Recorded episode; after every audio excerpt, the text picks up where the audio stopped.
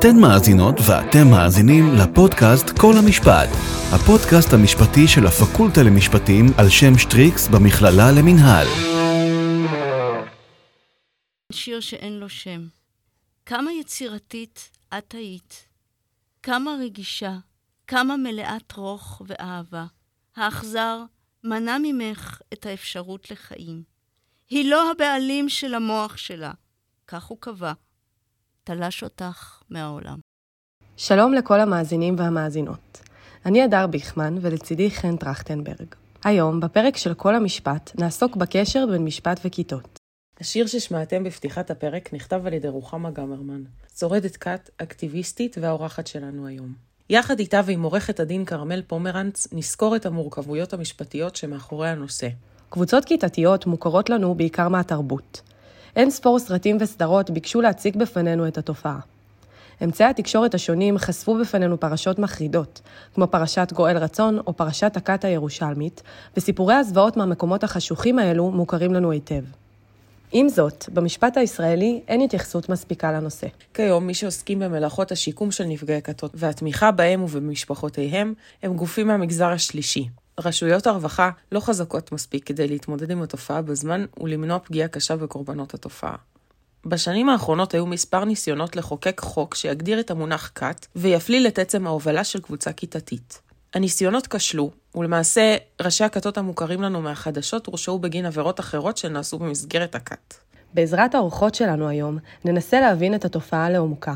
נדבר על חלק מהפתרונות המוצעים לה ועל מי שבכוחם להשפיע. ספוילר, גם לכם המאזינים יש דרך לעזור. רוחמה גמרמן היא יושבת ראש ארגון פורום של תקווה לנפגעות ונפגעי כתות ובני משפחותיהם, והיא שורדת כת בעצמה. סיפור חייה הוביל אותה לעשייה חברתית ענפה, ואת סיפורה נציג כאן היום. שלום לרוחמה. שלום לכולם ולכולן. נודה לך אם תספרי לנו על החוויה האישית שלך. מה חווית בעצם שגרם לך לצאת במאבק, אה, ומה הסיפור שלך? למעשה, אני הייתי בשבי בכת במשך 12 שנים, בין השנים 1991 ל-2003. היום בדיעבד, ב... לפחות בהבנה שלי, אני מבינה שהוחזקתי אה, בתנאי עבדות. Uh, עברתי שם סוגים שונים של פגיעה, החל מכליאה פיזית, שלילת חירויות, שלילת חופש הביטוי, שלילת חופש היצירה, הכריחו אותי uh, לשרוף ציורים שלי, לשרוף, uh, להשמיד uh, דפי תווים ו- ומוזיקה שאני הלחנתי. לא היה לי חופש לצאת מהבית מתי שאני רציתי. בהתחלה הוחזקתי בכליאה פיזית מלאה, אחר כך הייתה... הגבלה על היציאות שלי, זאת אומרת, יכולתי לצאת רק באישור של מנהיג הכת. עברתי שם מה שאני קוראת התאכזרות בריאותית, זאת אומרת, בין אם זה מניעת טיפול רפואי בחלק מהמקרים, בין אם זה עיכוב טיפול רפואי, בין אם זה התעללות, uh, בקטע שנגיד uh, הייתי אחרי ניתוח וחייבו אותי לעשות את כל הניקיון לפסח, בשעה שהגברים uh, הבריאים יכלו לעשות את זה ו... והם לא עשו. אני הפרתי פקודות, אני לא הייתי מוכנה לציית לכל דבר, ולכן אני גם נענשתי הרבה יותר מאחרים. כתבתי הרבה יותר בקשות סליחה, אה, עברתי הרבה יותר השפלות, ולמעשה, במיוחד בכת דתית, כמו שאני הייתי, מנהיג הכת הוא גורם לאנשים להאמין שמה שהוא אומר זה הרצון של האל. אם הם יפרו את הפקודה שלו, הם בעצם הולכים בניגוד לרצון של האל, והאל עצמו יעניש אותם. מה שהביא אותי באופן אישי לכל זה, זה ההמתה של אחותי המאומצת. זאת אומרת, עבורי היא בת משפחה רגשית. מה שקרה לה זה שהיא הייתה חולת סרטן, והוא לא אפשר לה לקבל טיפול, ולא אפשר לה לקבל משככי כאב, בשעה שלאחד הגברים בכת הוא אפשר טיפול קונבנציונלי מלא. אני רואה את זה כסוג של אה, רצח על רקע מגדרי. זאת אומרת, אה, אם היא הייתה גבר, היא הייתה היום בחיים. או לפחות היא הייתה מקבלת את האפשרות להחלים מהסרטן, בואו נגיד ככה. התחלתי להיות פעילה חברתית ב-2015, תוך שאני נחשפתי לסיפור של uh, ליימה בוי, שהיא uh, קיבלה פרס נובל לשלום. אישה יחידה שהיא שינתה את, את, את המצב של המדינה שלה, כלומר, היה שם uh, uh, מלחמה, והיא הוציאה את כל הנשים אחריה למאבק בדרישה להסכם שלום. אז כשאני נחשפתי לסיפור שלה, אמרתי, אם אישה אחת יכלה לשנות אה, מציאות של מדינה שלמה, אז אני הקטנה יכולה לנסות ולעשות משהו. וזה מה שהוביל את רוחמה ליזום את ההפגנה הראשונה, ובהמשך גם את יום המודעות לשבי בכתות, שנערך מדי שנה ב-22 בדצמבר. תאריך זה הוא תאריך סימבולי עבור רוחמה. בעצם בשנת 1992, בתאריך הזה, אני קיבלתי בפעם הראשונה בחיים שלי LSD, ומאוחר יותר באותו יום אה, גם אה, מריחואנה. קיבלתי את ההתקף אסמטי של החיים שלי, הראשון בחיים שלי. בעצם אני כמעט נחנקתי למוות, כי עיכבו לי טיפול רפואי, יכולתי למות. כי אשתו של, אה, בעצם של... של האכזר, היא החליטה שכאילו היא רוצה לנסות עליי איזו תרופה שלה, שכמובן הייתה חסרת תועלת לחלוטין. ואם לא הייתי מגיעה בסופו של דבר כן למיון, אז זה היה נגמר במוות שלי. זה היה קרוב, בוא נגיד ככה. ודרך אגב, מה שאמרו אז לצוות במיון, כדי להסתיר את זה שאני הייתי בעצם, שכולנו היינו על, על, על סמים, אז אמרו להם, כי זה היה בחנוכה, אמרו להם שאני אלרגית לעשן נרות חנוכה. וב-22 לדצמבר, בשנת 2014, בעצם אה, בזכות זה שאני הלכתי למשטרה ונתתי עדות, כי על הסיפור שלי כבר היה התיישנות, וזה חבל שאותה חוקרת משטרה החליטה שבעצם יש על זה התיישנות, כי היא לא חשבה שאולי יש טראומה מושהית, ושאולי נפשית הייתי עסוקה בהתמודדות עם טראומות שקדמו לשנים בשבי בכת. אבל מה שהיא כן עשתה, היא התייחסה לעדות שלי כמידע מודיעיני. ובעצם, אה, בגלל שהבאתי תיעוד בכתב, אז הצליחו להוציא מבית משפט אה, צו חיפוש, ומצאו אצל מנהיג כת את הסמים שהוא החזיק לא רק לשימוש שלו, אלא גם לשימוש של, של הכת עצמה בארץ, אני, כי זו כת בינלאומית, אבל היה לו בשביל האנשים שפה בישראל. כולל, אני יודעת על אה, אחד מהילדים שלו שהיה קטין שבנוכחותי קיבל LSD, כלומר, זה גם שידול קטין, אני לא יודעת אם גם הקטינים האחרים שהיו קיבלו או לא, את זה אני לא יודעת. והוא היה במעצר, שוחרר בערבות, ובגלל שהפרקליטות לא הוציאה לו צו עיכוב יציאה מהארץ, אז הוא ברח חוקית לארצות הברית. וכרגע ושם, הוא שם. ושם הוא נמצא עד היום, ורוב הסיכויים שהוא כבר קיבל שם אזרחות. אני הקמתי את uh, הארגון ש... קראנו לו פורום של תקווה לנפגעות ונפגעי כתות ולבני משפחה, שזה היה בדיוק 30 שנה מהיום הראשון שאני פגשתי את, את האכזר. אז בעצם אנחנו הצבנו שלוש מטרות ל, לארגון הזה. המטרה הראשונה היא העלאת מודעות. אם, אם אנשים יודעים את הנורות האדומות, אז הם uh, ידעו uh, שהנה יש פה משהו שחשוד ובואו לא ניכנס לדבר הזה. ולפעמים זה פשוט יכול להציל חיים. והמטרה השנייה זה באמת קידום אה, חקיקה ושינוי מדיניות. אני רוצה שיהיה תיקון בחוק עבירות המתה, כדי שמנהיגי כת שגרמו, במיוחד כשזה בכוונת תחילה, גרמו למוות של בני אדם, בין אם זה על ידי מניעת טיפול, בין אם זה על ידי אה, אובדנות כפויה, זאת אומרת שמנהיג כת מכריח אנשים להתאבד, בין אם זה מקרה של אישה, למשל, ש... אולצה בכוח אה, לאכול אוכל שהיא אלרגית אליו, אלרגיה מסכנת חיים, כדי שהיא בסופו של דבר תמות מהדבר הזה, שתהיה להם אחריות פלילית על הדבר הזה. זה לא ייתכן שאדם שגרם באופן מודע ובתכנון, במחשבה תחילה, למוות של אדם אחר, לא יסתובב חופשי, זה לא הגיוני. והמטרה השלישית, שאני מקווה גם שנצליח אה, ליצור בעתיד איזה שהם אה, מענים, איזה שהם אה, פתרונות חדשים אה, בשביל אה, נפגעות ונפגעי כתות. לפני שנצלול לסיבוכים המשפטיים, נציג בפניכם את האורחת הנוספת שלנו היום. שלום לעורכת הדין כרמל פומרנץ. ספרי למאזינים שלנו, מה הקשר שלך לעולם הכתות? אז אה, אני עורכת דין, ואני מייצגת נפגעי כתות ובני משפחה של נפגעי כתות. בכל מיני הקשרים שעולים בנוגע לתקופה שהם שהו בכת, לפעמים בתביעות שנוגעות להשבת המצב לקדמותו, לפעמים בתביעות שנוגעות ליכולת שלהם להתבטא בנושא, להעלות אה, מודעות, להצביע אצבע מאשימה. ואני גם היועצת המשפטית של חברה לתועלת הציבור שנקראת המרכז הישראלי לנפגעי כתות, שהיא הגוף היחיד בארץ שעוסק היום באוכלוסייה הזאת, גם בתמיכה סוציאלית וגם בהעלאת מודעות. נשמח להתחיל מההתחלה. מהי בעצם כת? קבוצה כיתתית אה, הוא מונח אה, רחב, וכל מי שרואה נטפליקס מכיר אה, כמה דוגמאות.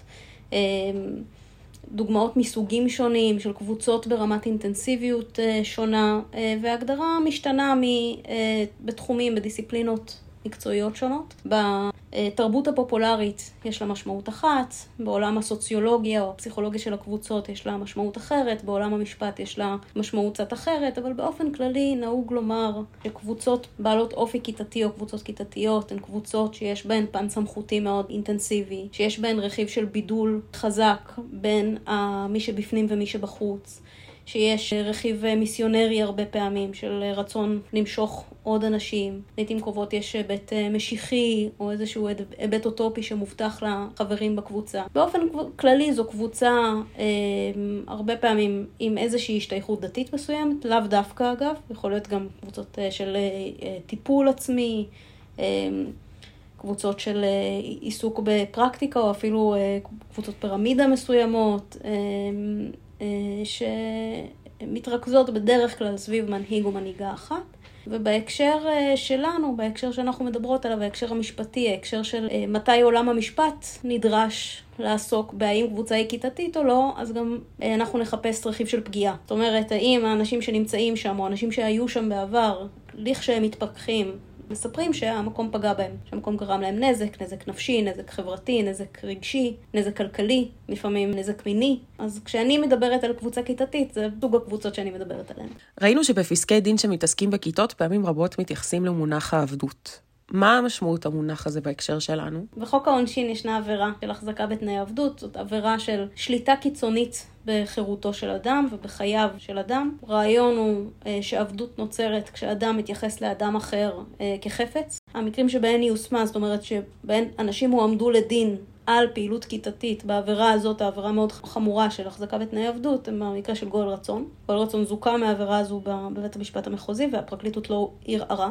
והכת בירושלים, פרשת אמבש המפורסמת, שבה האדם לראשונה הורשע בהחזקה בתנאי עבדות בהקשר של קבוצה כיתתית. רוחמה סיפרה לנו איך שליטה כזו מרגישה למי שבפנים. יש איזשהו אלמנט של רמאות ושל הסתרה, ומה שהאישה חושבת שהיא הולכת לקבל, זה לא מה שהיא מקבלת בפועל. במצב של עבדות, האישה או הגבר הופכים לחפץ בידיים של מנהיג הכת. הוא משתמש בהם לצרכים שלו. וזה בדיוק מה שקרה. אנחנו היינו אובייקט. כל הכסף שלי הוא לקח את האלימות כלכלית בלתי רגילה. כלומר, לא היה לי שקל עליי שיכולתי להשתמש בו באופן חופשי. זאת אומרת, אם נגיד הייתי צריכה לנסוע לאיזשהו מקום באוטובוס, הייתי מקבלת רק בשביל הנסיעה הבודדת. כלומר, אם רציתי לקנות אוכל בחוץ, לא היה לי. אה, זה ברמה שהוא החליט אה, מי יקבל טיפול, מי לא יקבל טיפול רפואי, איזה טיפול. הוא עודד את הגרוש הראשון שלי לפגוע בי מינית. כי זה שירת את האינטרסים שלו. אנחנו היינו עבדים לגמרי. הגברים למשל היו צריכים לנקות לו את הבית, היו צריכים לעשות בשבילו קניות, לבנות לו את הסוכה בסוכות, להביא משלוחי מנות לפורים, לא משנה, כל דבר, זאת אומרת, הכל הסתובב סביב האיש הזה. וכל מה שהוא רצה, הוא קיבל. גם אם נגיד אנחנו היינו מקבלים מתנות מהמשפחה, הוא לקח לעצמו. ורק מה שהוא לא רצה, או אשתו לא רצתה, אז את זה אנחנו קיבלנו. הוא לא עבד בעצמו, הוא לא התפרנס, גם לא אשתו. לא היה לנו חופש בכלום, גם הייתה צנזורה על התקשורת עם העולם בחוץ. אז מה זה אם לא עבדות? אם יש גופים במגזר השלישי שמטפלים בתופעה, למה קבוצות כיתתיות היא בעיה שהמדינה צריכה לטפל בה? בואי נתחיל אולי מלמה זו בעיה. זו בעיה בגלל שהמנה החברתית במדינה כמו שלנו היא כזו שהמדינה אמורה לספק את התנאים ואת ההגנות בשביל אה, לאפשר לאנשים לשגשג ולפרוח, לממש את מלוא הפוטנציאל שלהם ולשאוף להיות מאושרים. ההנחה היא שבמסגרת של קבוצות פוגעניות, אנשים הם לא מאושרים, הם אה, לא משגשגים והם אה, חושפים גם את עצמם ולפעמים גם קטינים ובני משפחה ואנשים שלא בחרו אלא נולדו לתוך המצב הזה, לפגיעה בחירות שלהם, באוטונומיה שלהם, בכבוד שלהם, ביכולת שלהם לבחור ולעצב את סיפור חייהם כראות עיניהם. וזו הסיבה שהמדינה כמדינת רווחה אמורה אה, לספק לאדם שלא רוצה להיות במסגרת כזו את האפשרות לצאת. עכשיו אפשר לומר, זה מצב של הסתכלות מרצון, אנשים נכנסו לסיטואציה הזו שהם יוציאו את עצמם. אבל המציאות היא גם המציאות אה, בפועל, גם הבחינה הפסיכולוגית של הדבר הזה, וגם מבחינות סוציולוגיות. ברור שיש דברים שהם קל להיכנס אליהם או קל להיוולד אליהם, אבל קשה מאוד לצאת מהם. ולפעמים לשם כך צריך לתת עזרה. אם אה, חיית בקהילה שלא אפשרה לך למשל אה, חינוך, דברים אה, בסיסיים שיאפשרו לך אחר כך לתפקד ולהתפרנס ולחיות כאדם עצמאי, אז המדינה צריכה להשלים את הדברים האלה. לשאלה למה זו בעיה משפטית, במקרים הקיצוניים ביותר, זאת כיתתיות הן כר פורה לניצולים מסוגים נוספים. כי זה בדרך כלל לא מסתכם רק במסגרת הכיתתית, זה בסיס לניצול מיני, לניצול כלכלי, לאלימות פיזית, אה, וזה במקרים הקיצוניים, הקבוצות הכיתתיות הקשות ביותר. ואז יש עבירות פליליות שאנחנו כולנו מסכימות שהן אה, חלק מחוק העונשין, הן צריכות להיות חלק מחוק העונשין, והעובדה שהן נעשות במסגרת אה, של קבוצה כיתתית לא שוללת את החובה של המדינה לפקח עליהן ולמנוע אותן. ואז יש את המקרים היותר קשים, המקרים של כתות אה, אפורות, של קבוצות שיש בהן רכיב של פגיעה, נניח יש אנשים שעוזבים אותם ואומרים, המקום הזה לא טוב, ועולה השאלה האם המדינה צריכה להתערב. אז אני חושבת שהמדינה לא צריכה להפליל את ה... הנהגה של קבוצות כאלה, אם אין בהן עבירות פליליות נלוות, ואפשר להפליל את ה... אפשר להעניש ולהעמיד לדין על העבירות הפליליות שמבוצעות, אבל כן צריכה להיות, להינתן אפשרות לאנשים לצאת מהקבוצות האלה וגם להיפרע על הנזקים שנגרמו להם במסגרת החיים בתוך הקבוצה הזו. אני מאמינה במדינת הרווחה. אני חושבת שהאחריות לטפל, לשקם, למנוע, לידע, לעורר אה, מודעות בקרב אה, צעירים, היא של לתת אה, תמיכה להורים של ובני משפחה של אנשים שנמצאים בקבוצות. צריכה להיות של המדינה. אני חושבת שהמדינה יכולה לעשות את זה, היא תעשה את זה הכי טוב, יש לה את התקציב ואת היכולת הכלכלית לעשות את זה. לא נכון בעיניי, גם ברמה הכי מעשית, שהטיפול באנשים שכל כך זקוקים לזה, תלויה ביכולת לגייס תרומות, בין היתר. עכשיו, זה לא חריג שהמגזר השלישי מוביל את פיתוח המודעות לנושאים אה, שהמדינה לא חשבה עליהם כנושאים שהמדינ... שהם באחריותה. גם אלימות נגד נשים לא הייתה מלכתחילה נושא שהמדינה נותנת בו תמיכה וקצבאות וטיפול ומסגרות ומקלטים. זה דברים שהובאו על ידי החברת, החברה האזרחית ובאופן הדרגתי עברו לאחריות המדינה. ולאט לאט האחריות בתחומים האלה עוברת למדינה. היום המדינה נותנת uh, סיוע משפטי דרך האגף לסיוע משפטי לנשים נפגעות, uh, נשים וגברים נפגעי עבירות מין uh, במסגרת ההליך הפלילי נגד הפוגע שלהם. ואני חושבת שזה מהלך שצריך לקרות גם בתחום הזה של נפגעי כתות.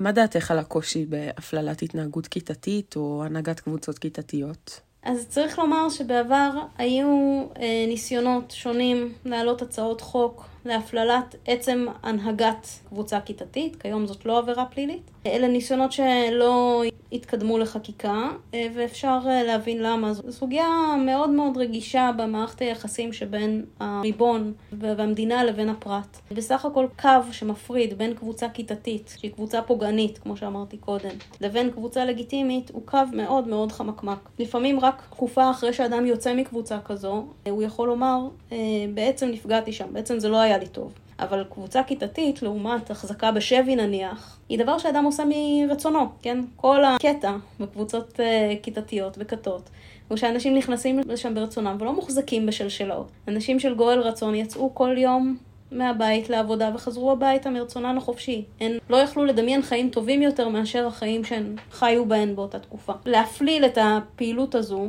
זה יכול מאוד בקלות לחצות את הקו של פגיעה בחופש הדת, בחופש ההתאגדות, בחירויות הכי בסיסיות של הפרט לבחור את אורח חייו, במיוחד במקרים שבהם אורח החיים הזה הוא איזוטרי, הוא חריג, הוא נחשב מוזר. לדעת עורכת הדין פומרנץ, במקרים כאלו בית המשפט צריך להיזהר מהפללת יתר. זו מעין משפטיזציה של צורות חיים שונות ממה שאנחנו מכירים. לנסח נוסחה שמשאירה, שקולט, לוכדת, מספיק מהמקרים הבעייתיים, הפוגעניים, הפליליים, שבהם הניצול חוצה איזשהו רף, ומשאירה בחוץ את כל, או את, כמעט את כל המקרים אה, שלא צריכים להיות מופללים, את כל המקרים שבהם אנשים בוחרים מרצונם מערכות יחסים, אולי אפילו שלא טובות להם. לא כל מערכת יחסים לא טובה, המשפט צריך להתערב בה ולהפליל אותה. זה אתגר שאני עוד לא ראיתי נוסחה כזאת שאמרתי, וואלה, זה, זה דבר שיכול לעבוד. אז באופן כללי, לתפוס את מה שלא בסדר ולהשאיר בחוץ את מה שכן בסדר. בעולם הזה של אה, עבירות שנעשות על אף רצונו הטוב של הקורבן, אה, זה, זה מאוד טריקי. זאת אחת הסיבות שבגללן אף אחת מהצעות החוק לא קודמה. יש כמובן לצד זה עוד אה, הסברים אה, יותר פרוזאיים, כן? יש קבוצות לחץ בכנסת שלא רוצות אה, חקיקה כזו, שחוששות שזה עשוי לפגוע בחופש הדת שלהן, שזה עשוי לתייג אותן כארגונים פליליים, וגם זה כמובן משפיע. רוחמה גמרמן סיפרה לנו איך הקושי הראייתי הזה פגש את הסיפור שלה. בכת שבה אני הייתי, היה לנו מה שמנהיג הכת קרא לזה מחברות ההוראות, שזה בעצם היו מחברות שאנחנו, כל אחד מאיתנו היה צריך לנהל מחברת כזאת, שבה אנחנו היינו צריכים לתעד את הפקודות שלו. יש לי מחברות מפורטות עם תאריכים של פקודות שהוא נתן לנו. כולל אה, נאומים שהיה צריך להגיד למשפחות, כולל אה, דברים של כספים שהיה צריך להעביר לו. אפשר אפילו רק מהמחברות האלה להבין איזה פגיעה הייתה שם. כשאני דיברתי אה, בוועד... בדיון בוועדת חוקה על החוק נגד כתות, אני בעצם הקראתי, הבאתי את המחברת פיזית, את אותה מחברת מה... מהכת, שזה דרך אגב נדיר שיש תיעוד כזה מתוך כתות ש... שיוצא החוצה. זאת אומרת שבעצם מנהיג הכת לקח לי את המחברות האלה כשהצלחתי להשתתף. להשתחרר מהכת, ואני חמש שנים אחרי השחרור שלי, אני יצרתי איתו קשר ואני אמרתי שאני רוצה את היומנים שלי, ובסופו של דבר הוא חשב שאני כל כך עדיין שבויה בשליטה שלו שאני לא אעשה עם זה כלום, אז הוא נתן לי ארגז עם כל הדברים, כולל המחברות ההוראות. הוא לא חשב שאני אעשה עם זה משהו. יש תיעוד מתוך כתות. עכשיו, לפעמים צריך התערבות מבחוץ, וזאת הבעיה, כי ברגע שמדובר בבגירים, נכון להיום, המדינה לא מתערבת. ראינו בפסקי דין ובהגדרות של משרד הרווחה את המונח שליטה מנטלית. תוכלי להסביר לנו למה הכוונה בשימוש במונח הזה? באופן כללי, שליטה מנטלית היא תיאוריה פסיכולוגית שאומרת שבמקרים מסוימים ותחת תנאים מסוימים, אנשים יכולים לגרום לאנשים אחרים לעשות מה שהמנחים אה, מבקשים מהם. או דורשים מהם. בפסיקה היחס למונח הזה הוא אה, מעניין, כיוון שבמקרה של גואל רצון, כשהוא עמד לדין אה, בעבירה של החזקה בתנאי עבדות, התביעה נדרשה להוכיח שהייתה לו שליטה ממשית על אנשים. עכשיו, הנשים האלה יצאו כל יום לעבודה בניקיון וחזרו הביתה בסוף היום. לא הוכח ולא נטען שהייתה שם אלימות פיזית קשה, או אמצעי כפייה מאוד בוטים. הן גרו בתל אביב, הן יכלו לעזוב מתי שהן רצו, והן בחרו לחיות איתו כשהענישה המרכזית הייתה שהוא מנע את עצמו מהן. או ענישה סימבולית או אה, מיסטית. אה, איך מוכיחים שאדם שלט במישהו אחר בתנאים כאלה? המדינה ניסתה להוכיח את רכיב השליטה באמצעות התיאוריה הפסיכולוגית של שליטה מנטלית. היא הביאה מומחה, דוקטור לפסיכולוגיה, שהסביר את השיטה הזו, ובית המשפט לא קיבל אותה. בית המשפט קבע שהתיאוריה הזו לא הוכחה דייה, היא לא עמדה ברף המדעי הנדרש בשביל לבסס עליה קביעה במשפט פלילי. והוא גם קבע, מה שאפשר להבין, שהתזה הזו יוצרת בעיה קשה למשפט הפלילי, כיוון שאם אדם יכול לומר, אני אמנם ביצעתי עבירה פלילית, אבל אני לא אה, רציתי לבצע אותה, אני הייתי נתון לשליטה מנטלית של אדם אחר. זה מערער את האדנים שעליהם הנחות היסוד של המשפט הפלילי עומדות. כן, שאדם אחראי למעשיו, שאדם מודע למעשיו, שאדם בוחר את מעשיו וכולי. ולכן בית המשפט אה, לא הרשיע את אה, גואל בהחזקה בתנאי עבדות, הוא הרשיע אותו בעבירות אחרות, והוא נידון להרבה מאוד שנות מאסר.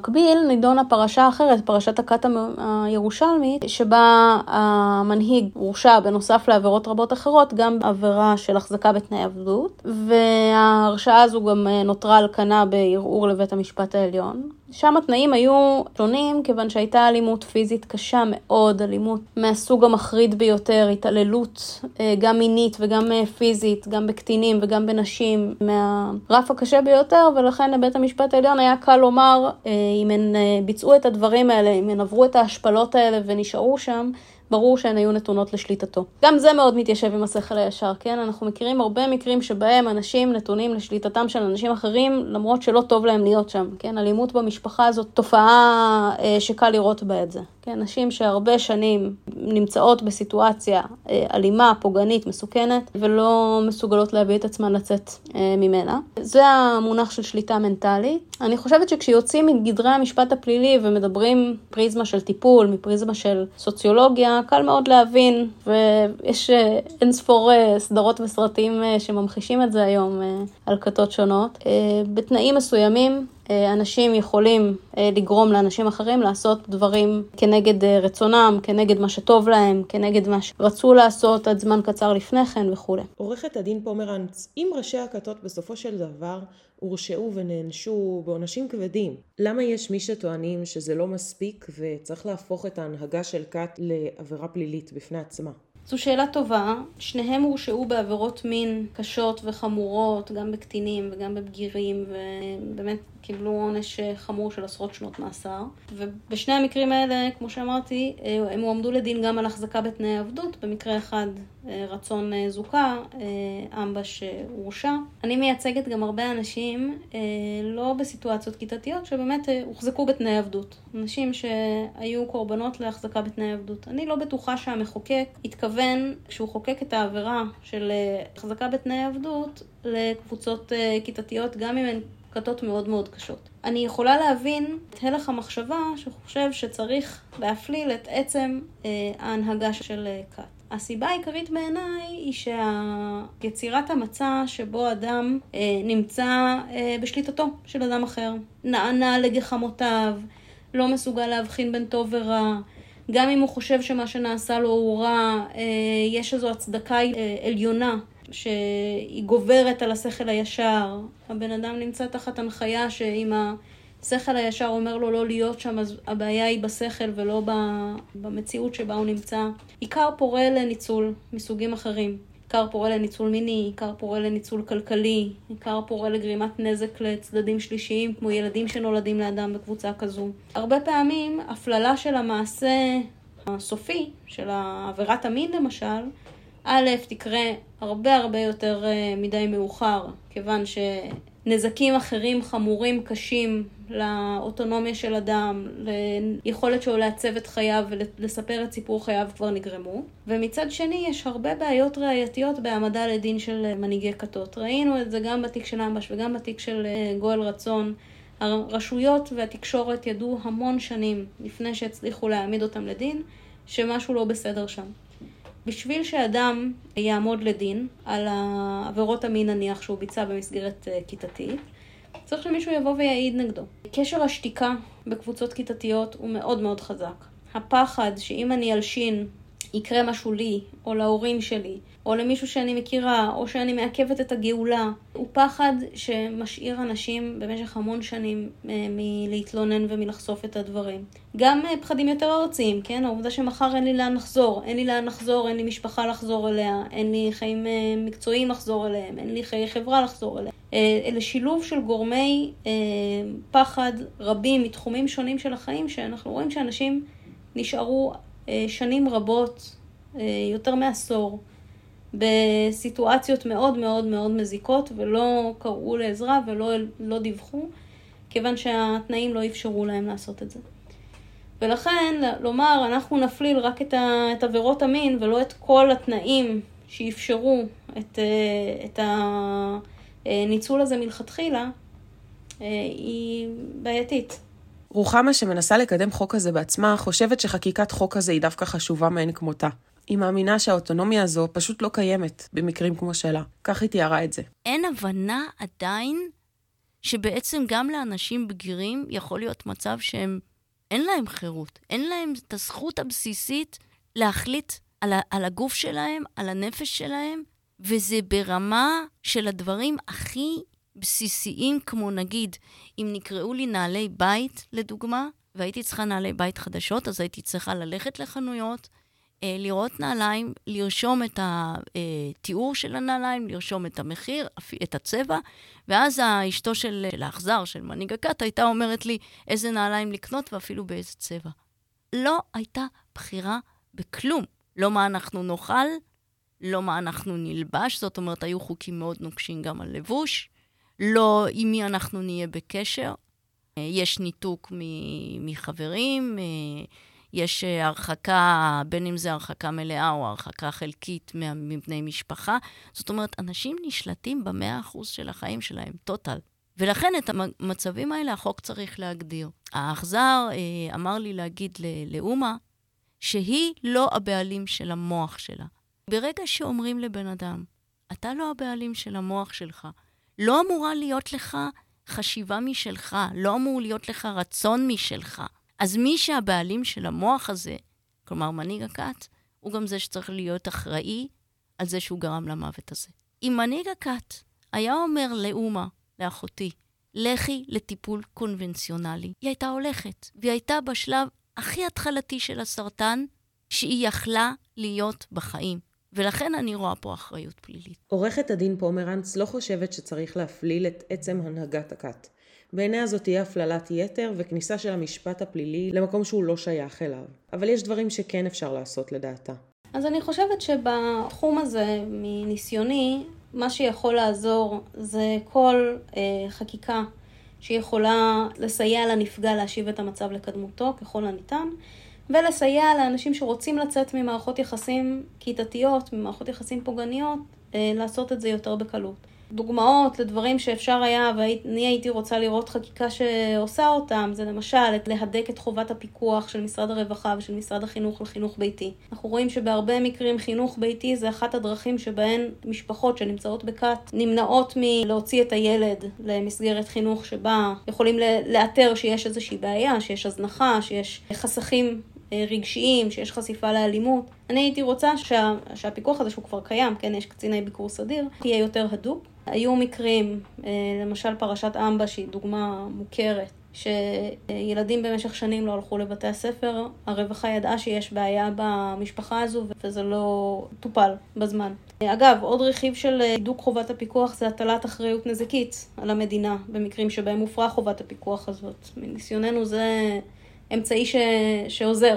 עוד דבר זה תיקון אה, חוק המתנה. חוק המתנה זה החוק שקובע באיזה תנאים אדם יכול לתת מתנה, למשל מתנה כספית, ובאיזה תנאים המתנה הזאת תושב לו אם מסתבר שהיא לא ניתנה מרצון חופשי. אני הייתי רוצה שהחוק יאמר באופן אה, ברור שמתנה שניתנה מחמת אונס, איום, השפעה בלתי הוגנת, תחבולה, תרמית, דברים כאלה ניתנת לביטול. זה בעצם אה, קביעה מאוד הגיונית. כבר נקבעה בפסק דין בעניין ריקי שחם, פסק דין של בית המשפט המחוזי, שעסק במישהי שעזבה כת אחרי המון שנים, וביקשה השבה של מיליוני שקלים.